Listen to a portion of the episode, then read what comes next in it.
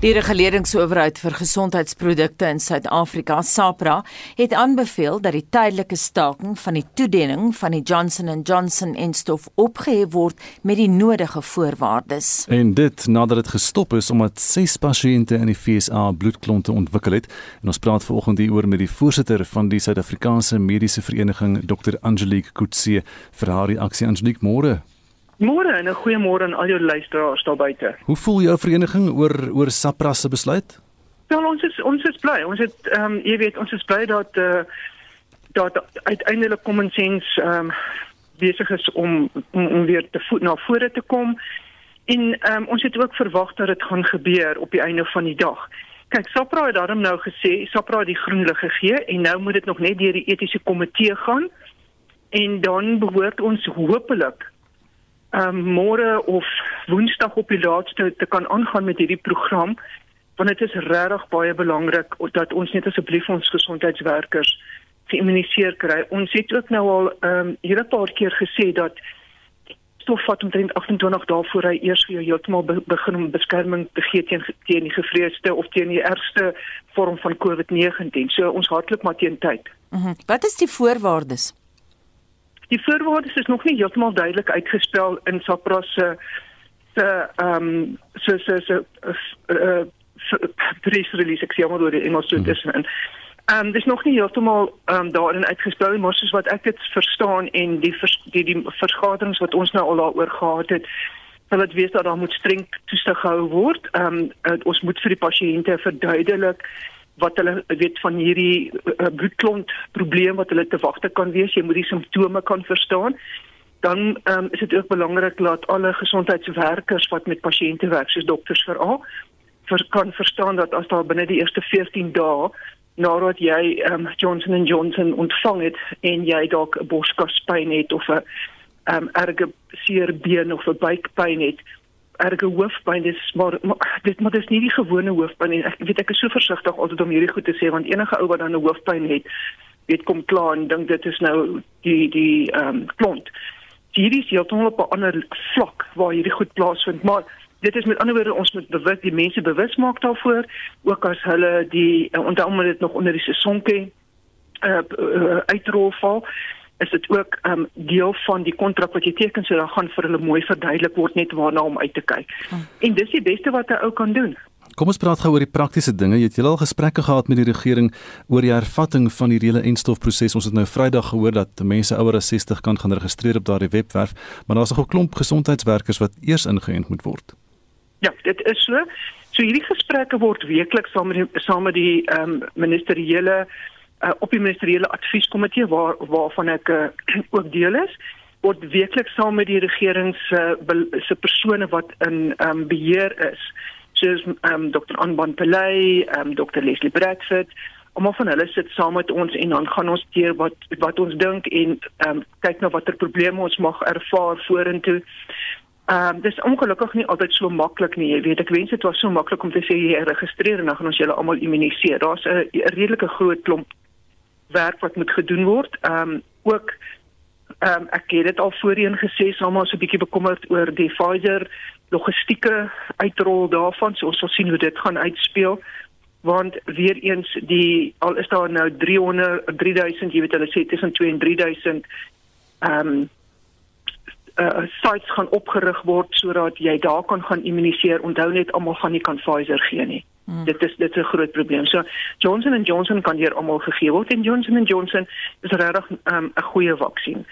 So ehm um, ons moet nou maar kyk wat gebeur en hoe vinnig ons hierdeur kan kom. Dit is so ons gaan nou eers na fase 1B toe gaan binne die volgende week of 2 en dan moet ons roer daardeur sodat ehm um, die die die die fase 2 vir die algemene publiek kan begin want dit vat 60 28 dae vir die enstof om ordentlik te werk. Angelique, is jy bewus van enige neeweffekte van Johnson & Johnson enstof wat ervaar word hier in Suid-Afrika? Ja, ehm um, kyk, ons daar was een ons het die statistieke laasweek gesien, een persoon wat regtig wat ons nou sê allergiese reaksie gehad het, maar daai persoon was ehm um, behandel en is lankal al ontslaan. So dit wat daar was net een wat regtig sleg was. Dan is daar 'n moontlike uh, tweede persoon wat ehm um, die ook 'n trombose na oog kon gehad het alhoewel in haar geval is al die plaatjies normaal so ons kan dit nie toeskryf aan die hierdie ses mense wat die lae plaatjie telling gehad het nie so daai is so van hierdie goed is moeilik om te bewys Ehm um, en dan het ons maar die gewone goed wat die pasiënte nou dink hulle is nou allergies of of hulle het nou uh, een of ander reaksie is maar die goed soos daai eerste 48 uur na 72 uur met die met daai ouens wat hoofpyn ervaar. Dis nogal 'n lekker hoofpyn, ek moet dit sê. Of lyf en spierpynne en um, hulle voel net nie lekker nie. En dan baie ontstel daaroor en dink daar gaan iets met hulle gebeur, maar daai is maar deel van die reaksie van die van die enstof. Is dit nie normaal vir 'n enstof soos selfs as jy 'n griepinspuiting kry, voel jy ook so? Ja, ja, ja, presies. Ek dink net daar's 'n gevoel daar buite dat jy gaan enstof kry en dan is jy alright. Dit is nie heeltemal so nie. Dit is nie heeltemal so nie. Baie dankie en daai gerusstelling kom van Dr. Angelique Kutse, sy is voorsitter van die Suid-Afrikaanse Mediese Vereniging. Dis 18 minute oor 7 jy's by Monitor op RSG en 'n voorstel dat laerskoolkinders weer voltyds skool moet bywoon word vandag op 'n werkswinkel deur onderwysowerhede bespreek. Die woordvoerder van die departement van basiese onderwys, Elijah Mhlanga, sê die direkteur-generaal, Tanzima Mweli, en die provinsiale onderwyshoofde oorweeg nou vandag hierdie saak en ons praat vanoggend hieroor met Basil Manuel, hy is die uitvoerende direkteur van die onderwysvakbond Naptosa oor hierdie voorstel. Basil, môre. Môre Gustaf. Uh bly om weer met met jou te praat. Ja, inderdaad. Hoekom is dit belangrik dat uh, laerskool en selfs hoërskoolleerdlinge weer voltyds fisies by die skool is? Uh Gustaf, kyk daar's baie baie kinders wat agterstande nou het. Uh in die primêre skool asook in die hoërskool. Want natuurlik as jy nou net 50% van die tyd op skool is, sal daar nou sulke probleme uh inkruip. Maar hierdie debat natuurlik is nou al lank wat ons daarmee besig is. En uh, daar studies in die FSA gedoen veral en ehm um, dit dit wys daarop dat uh, kinders nie eintlik baie geaffekteer word deur die virus, veral primêre skoolkinders. Daarom is ons bly om om deel te wees van die debat. Ons is nog nie betrek by die debat deur die departement, maar dit sal seker nou in die volgende paar dae gebeur. En ons het ons uh, opinie daar opinie daaroor. Daar is seker bekommernisse natuurlik vir alles ons na hierdie derde vlak kyk, maar dis meer oor die gevoelens en die uh die die die die, die angs van die onderwysers en die ouers wat aangespreek moet word. Want daar's so baie nuus daar buite en en fake news soos hulle sê. En uh mense het het hulle eie standpunte ingeneem, maar nou moet ons nou kalm daaroor gesels en tot die beste uh, uitkoms kom. Ons uh, as Naptosa wil hierdie uh, saak aanspreek want ons wil sien dat ons veral die primêre skole aanspreek. Wat is die uitdagings van die alternatiewe stelsel, weet hierdie peloton of platoonstelsel waar die leerlinge elke tweede dag die skool bywoon? Uh een van die van die mees belangrikste is dat jy nou nie die hele syllabus kan voltooi nie. Maar as jy nou dink aan graad 1 veral wat uh moet nou leer lees en uh, regtel en wiskunde doen en skryf en so voort. As jy nou die kind elke tweede dag sien, uh maak dit baie moeilik. Maar as jy nou daaraan dink dat 'n kind afwesig kan bly vir 'n dag en dan is daai kind weg vir 3 dae, dan is dit veel moeiliker. En uh, die graad 2 sit al klare groot agterstand want dit was hulle lewe die hele uh van die van verlede jaar. Nou wil ons verhoed dat dit weer gebeur in hierdie jaar. Maar ons moet daarop aandring dat ons mooi daarna moet kyk. Onthou tog nou Gustaf dat daar skole is wat baie baie oorvol is.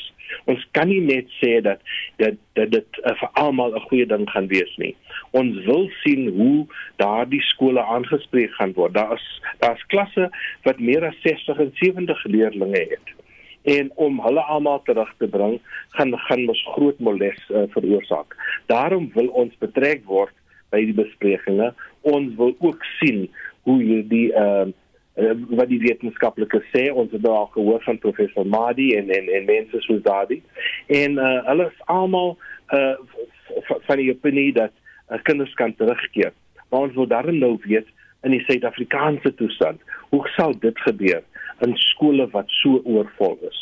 Dis nou die hele punt uh, of mens al die kinders oor dieselfde kam kan skeer want elke skool se situasie is anders uh, en dis presies uh, die, die die punt wat Naptose wil maak. Ons wil sien dat ons hierdie ding bespreek, maar ons moet daarna kyk hoe ons daardie skole wat so oorvol is, hoe ons hulle probleem gaan aanspreek. Kan ons dieselfde ding vir hulle doen as vir die vir die klasse waar daar net 30 en 40 kinders is. Maar die mediese kundiges sê nou wel ook natuurlik 80% van kinders wat wat die virus kry is asymptomaties. Die departement het in Januarie gesê so wat 6000 kinders het in die afgelope paar jaar uh, of in die afgelope jaar COVID-19 gekry en dat 10 van daardie 6000 dood is. So hoe interpreteer jy dan die gevaar vir skoolkinders van die siekte wat wat wat waar dit nie so gevaarlik is nie? Nee, ons stem saam, want ons het nou saam met, met sommige van die wetenskaplikes gesit en hulle, hulle dit aan ons verduidelik. Maar onthou nou dit doen nie weg met die bekommernisse van mense soos onderwysers en en en ander mense op skole, want hulle is nou so gebombardeer met baie baie inligting. Hulle weet straks nie wat om te glo nie. Daarom moet ons met hulle gesels en vir hulle kalmeer ook en dan moet ons stap vir stap vorentoe beweeg. Maar dat ons nie kan aangaan uh met met hierdie deeltydse bywoning is nou 'n feit. Ons kan nie vir ewig daarmee aangaan nie. En wat bepaal die regulasies natuurlik vir sport en buitemuurse aktiwiteite? Kyk, daar's mos nou nuwe regulasies wat uitgekom het uh, verlede week wat nou sê dat uh, buitemuurse aktiwiteite uh, skole kan nou aangaan met sport, maar sonder die bywoning van toeskouers.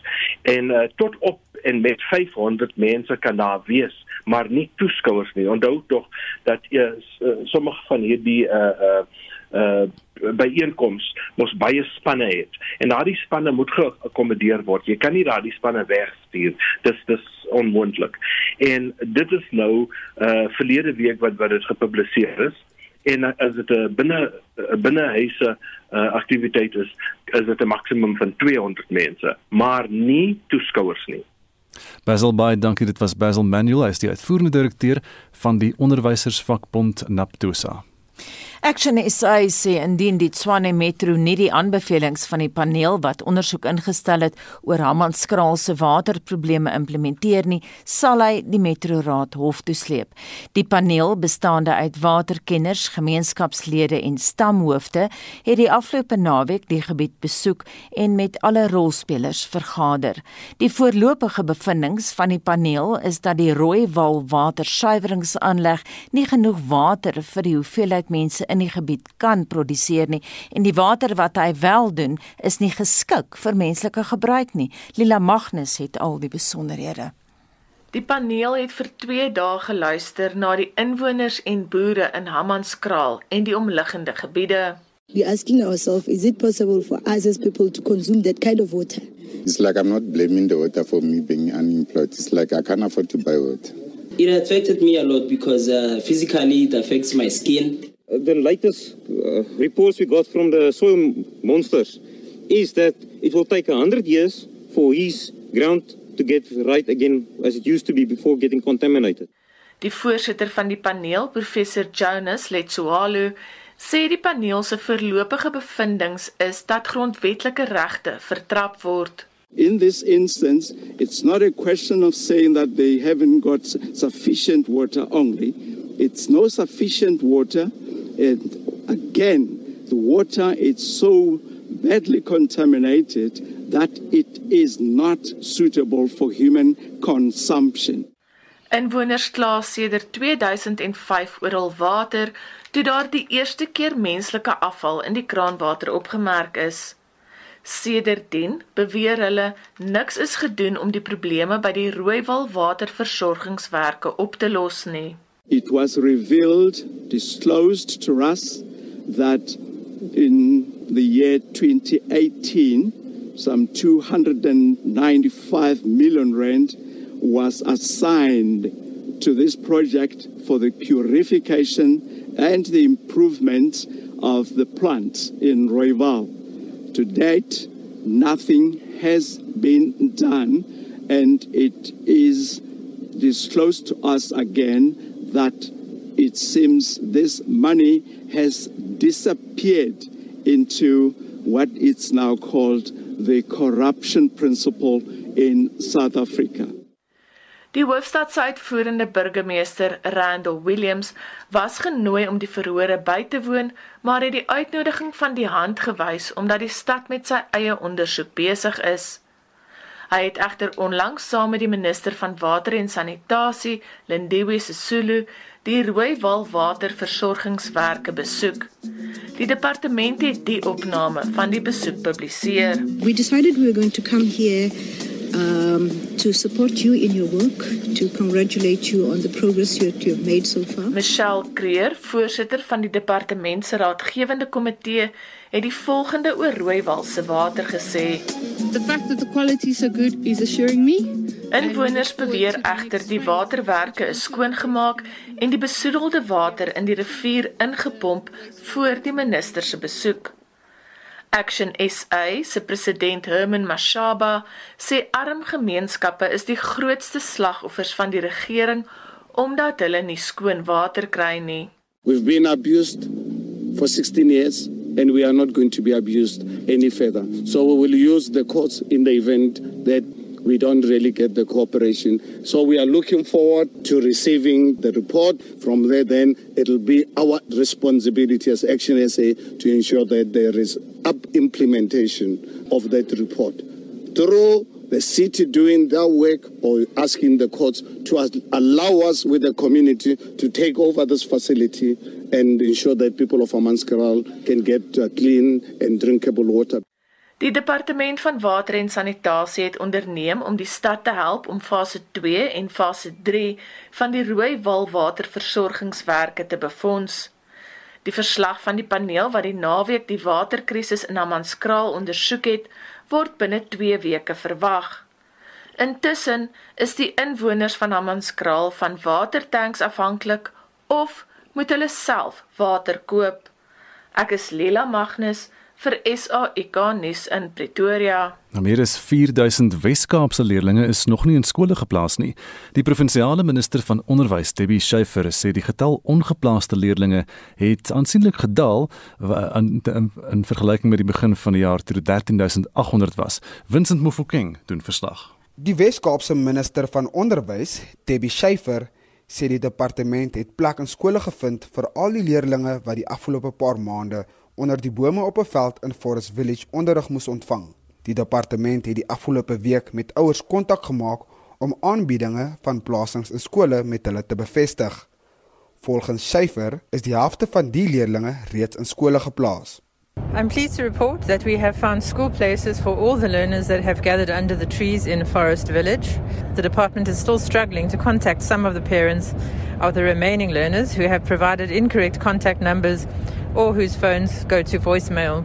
We urge the parents of those learners to contact their districts to take up the placement offers. Sy sê dit is nie as gevolg van 'n gebrek aan swak beplanning of moeite van die departement nie. Die Wes-Kaapse Onderwysdepartement waarsku al jare lank oor die druk wat hulle ondervind oor die jaarlikse toename in leerlinggetalle en hulle ontvang nie die nodige finansiering om die probleem aan te spreek nie. We had until recently been refused access to the details of learners occupying the Rosendal House property belonging to the Department of Higher Education and Training.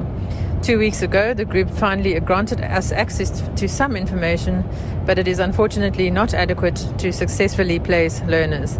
After the SA Human Rights Commission met with us about this, this matter, and asked how they could help. We wrote to them on the 1st of April to request their help in obtaining the full details of the learners so we can address their placement. Dit was die Wes-Kaapse minister van onderwys, Debbie Schiefer. Vincent Mufokeng vir SAIK nuus.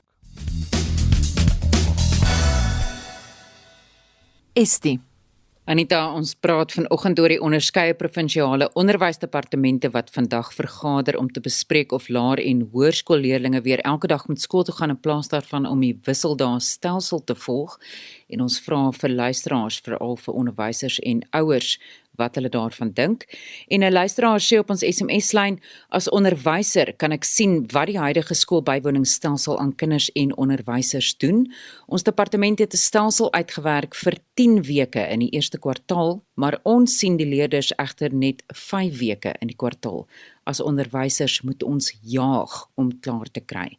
En Wynand van Welkom laat weet op ons SMS-lyn: Baie kinders se fondasie is nie behoorlik vasgelê verlede jaar nie. Ek hoop regtig dat die departement mooi sal dink oor die skoolbywoningsstelsel. Rachel skryf vir ons: "Ons gaan nog heel jaar elke dag skool, die laerskool en ook die hoërskool waar ek werk." Sy sê nie waar sy werk nie. En William Craft laat weet sommige skole in die Noord-Kaap het die wisselklasse as volg benader: Groep 1 in die oggend en groep 2 in die middag. En sodoende gaan die kinders steeds skool toe elke dag. Die hoeveelheid kinders in die klasse is net net minder.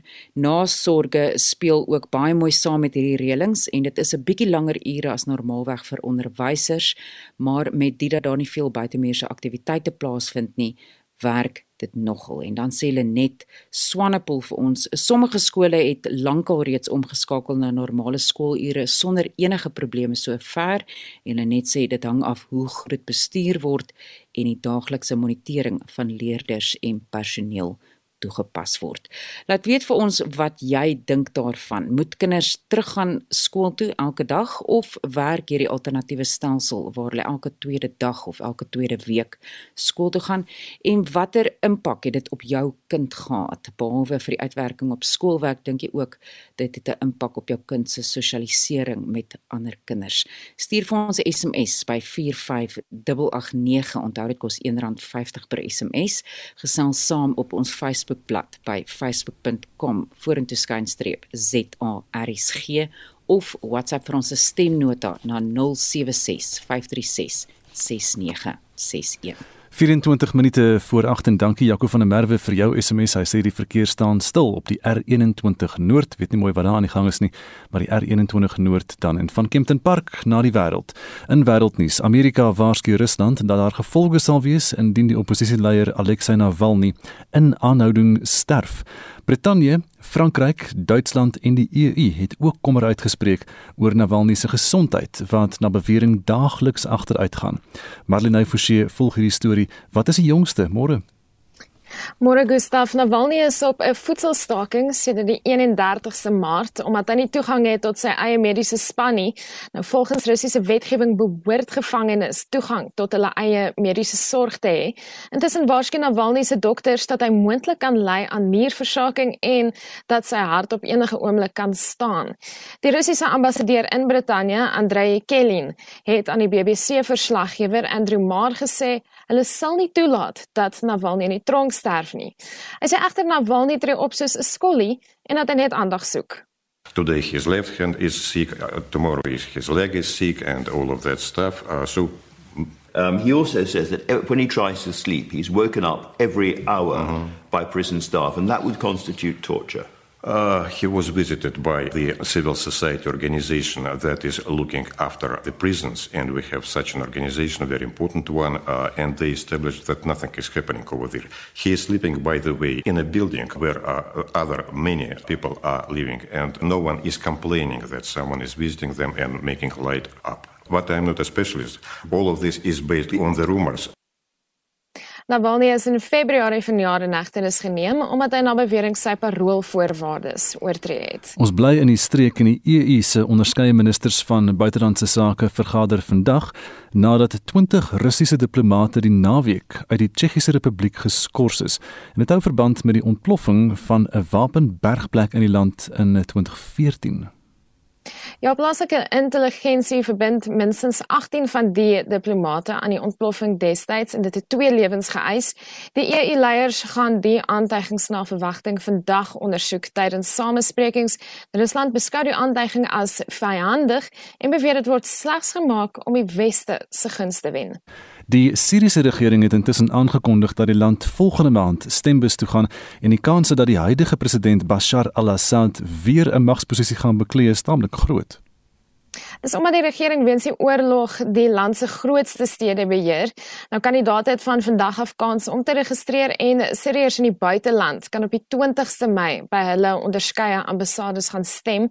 Volgens 'n woordvoerder, Hamuda Sabah, vind die verkiesing in die land op die 26ste Mei plaas en die wenner daar sal 'n termyn van 7 jaar dien. En van die noordelike halfrond na die suidelike halfrond, inwoners van Australië en Nieu-Seeland is die eerste in die wêreld wat tussen die twee lande kan reis sonder die gebruikelike afsonderingstydperk. En dit volg op die lande se vermoë om COVID-19 infeksies baie laag te hou. Roerende tonele is waargeneem op die twee lande se lughawens waar musiek gespeel het en plek plek is besoekers ook met tradisionele sang verwelkom. Uh, means everything. It's mixed emotions. It's sad circumstances that she's here uh, for the loss of their brother, but um, we're happy that we get this opportunity. Uh, it's amazing. I have no words. I'm just so grateful that I could come back. I'm like shaking right now. This is my daughter, Keely.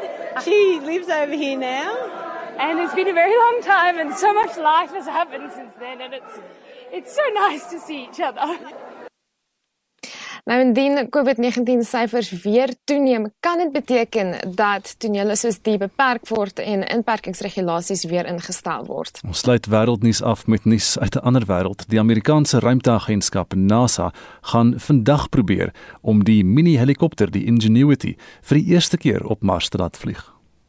Hulle waarsku egter dat die eerste vlug moontlik nie suksesvol gaan wees nie, maar hulle sê hulle gaan aanhou met toetse later die week indien dit die geval is. Die helikoptertjie weeg maar 1,8 kg juis om die swaartekrag op die rooi planeet wat sowat 100 keer swakker is as die aarde se teen te werk. En dit was dan Marlene Forsie met vanoggend se wêreldnuus gebeure om 19 minute voor 8. En nou oor aan die sport. Die naweek se sport het atletiek en eh, motorwedrenne ingesluit in ons gesels vanoggend met Pieter van der Berg oor al die hoogtepunte. Môre Pieter. Môre sê Gustaf. So Pakistan het die T20 cricketreeks teen Suid-Afrika te nou gewen en nou verskuif die fokus na die Indiese Premierliga. Ja, dood reg daar die T20 reeks is deur Pakistan met 3-1 ingepaal met hulle het vroeër ook die eendag reeks gewen met 2-1. Nou gister by die Indiese Premier Liga is dit die Delhi Capitals wat 'n 6-paltjie oorwinning behaal het oor die Punjab Kings en dan die Royal Challengers Bangalore. Hulle het 'n 38 loopie oorwinning behaal oor die Kolkata Knight Riders en uit die Villiers uit weer uitgestaan daar uitgeblink 76 lopies van net 34 balle gemoker. En dan vandag is dit die Chennai Super Kings, Gustav en hulle kom te staan teen die Rajasthan Royals. Nou eers kom in 'n naweek spat die vonke weer hier in Suid-Afrika op die rugbyveld, maar nou die afgelope naweek was al die aksie oor see. Ja, jy verwys natuurlik na die eh, komende reënboogbeker reeks wat uh, eers komende naweek begin. Daar is twee plaaslike dawies wat gespeel sal word. Vrydag is dit die Stormers teen die Sharks. Daardie wedstryd is om 7:00 die aand en dan Saterdag pak die Bulls en die Lions mekaar en daardie wedstryd sal om 4:00 afskop. Nou die afgelope naweek is dit in Australië in die Autorea reeks waar die Islanders die Blues geklop het met 35-29 en dan het die Chiefs 'n verrassende oorwinning behaal oor die Crusaders. Die telling daar was 26 25. En dan in Australië twee wedstryde ook afhandel, 'n 1 punt verskil in die wedstryd tussen die Western Force en Waratahs en dis die Force wat daar wen met 31-30.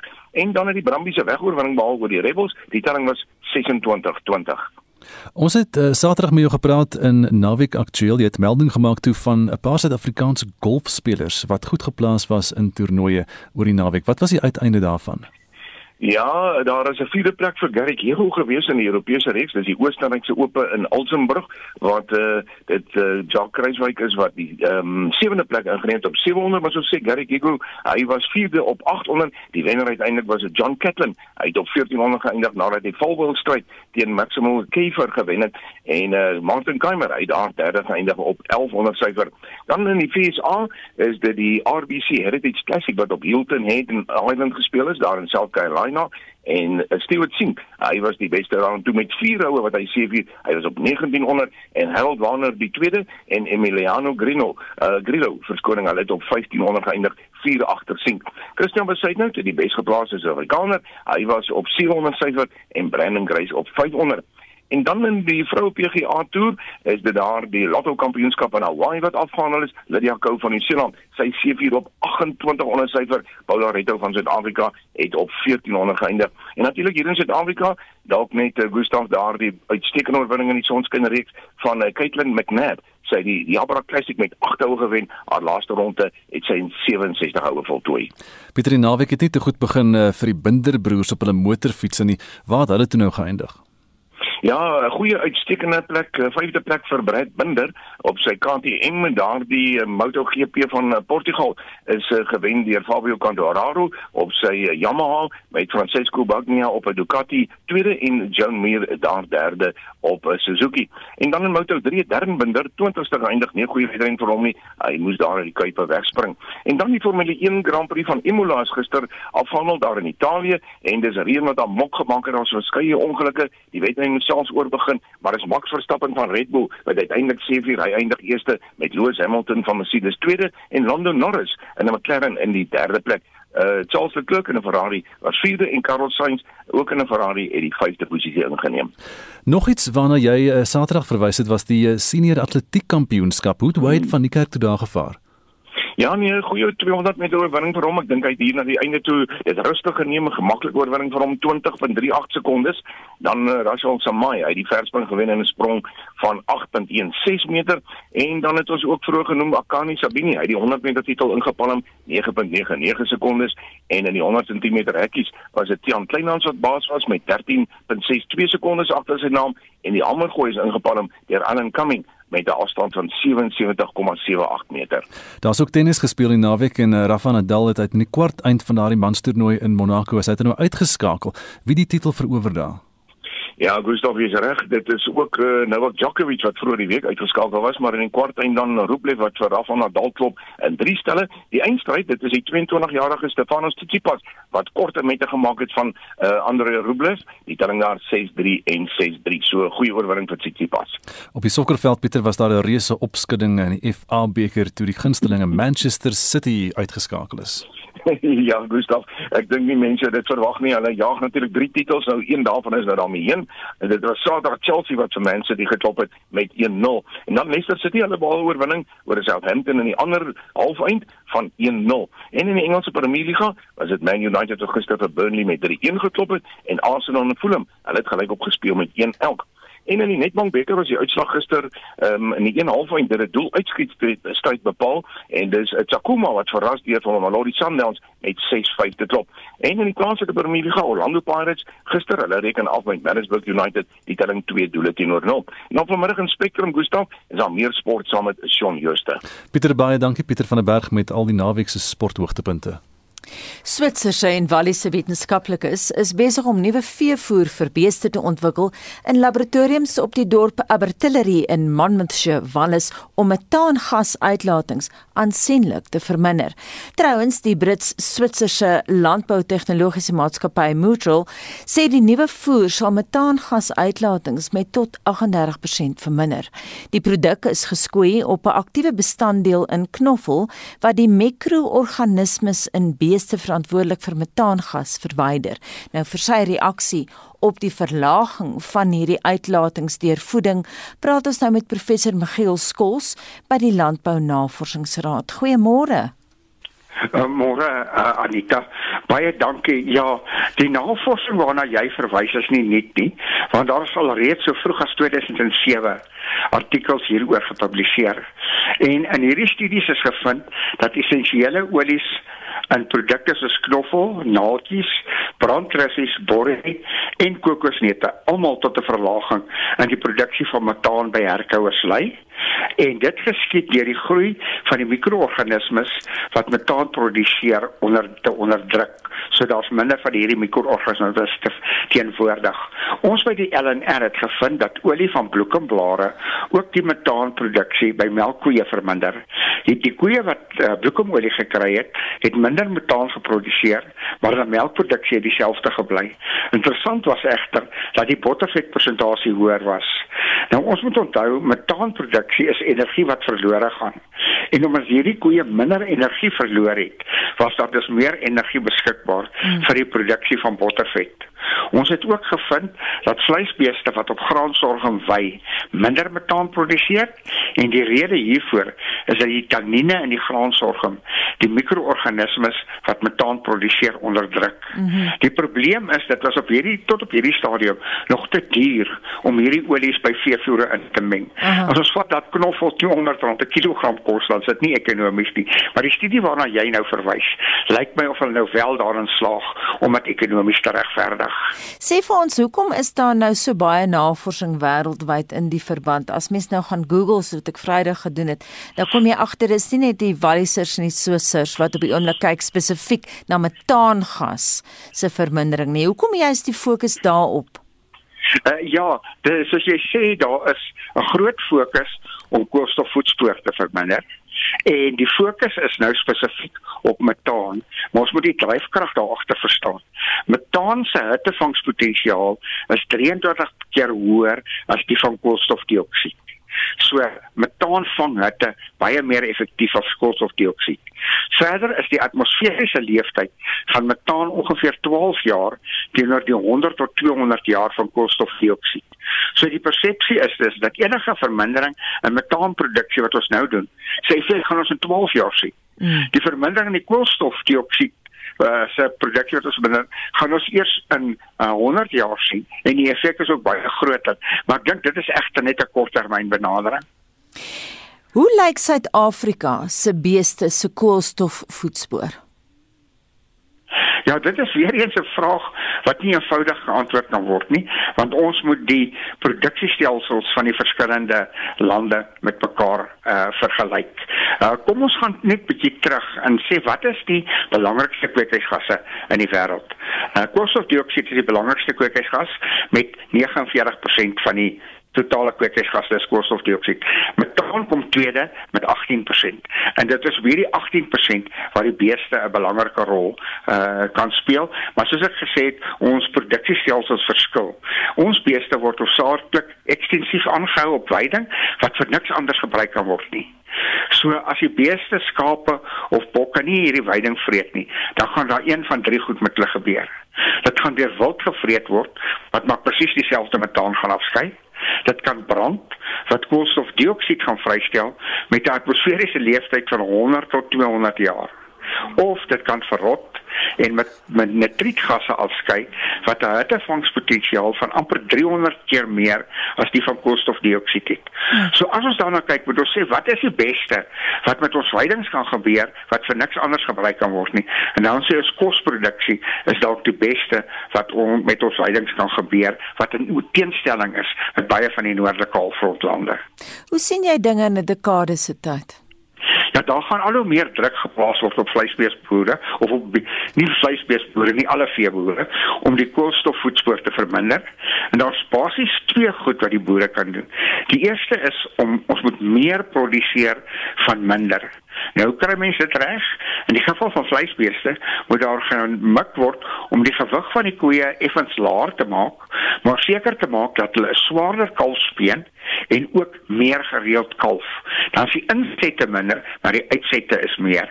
En dan tweedens moet die bestuur van die weiding uh, sodanig aangepas word dat dit koolstofsekwestrasie verhoog.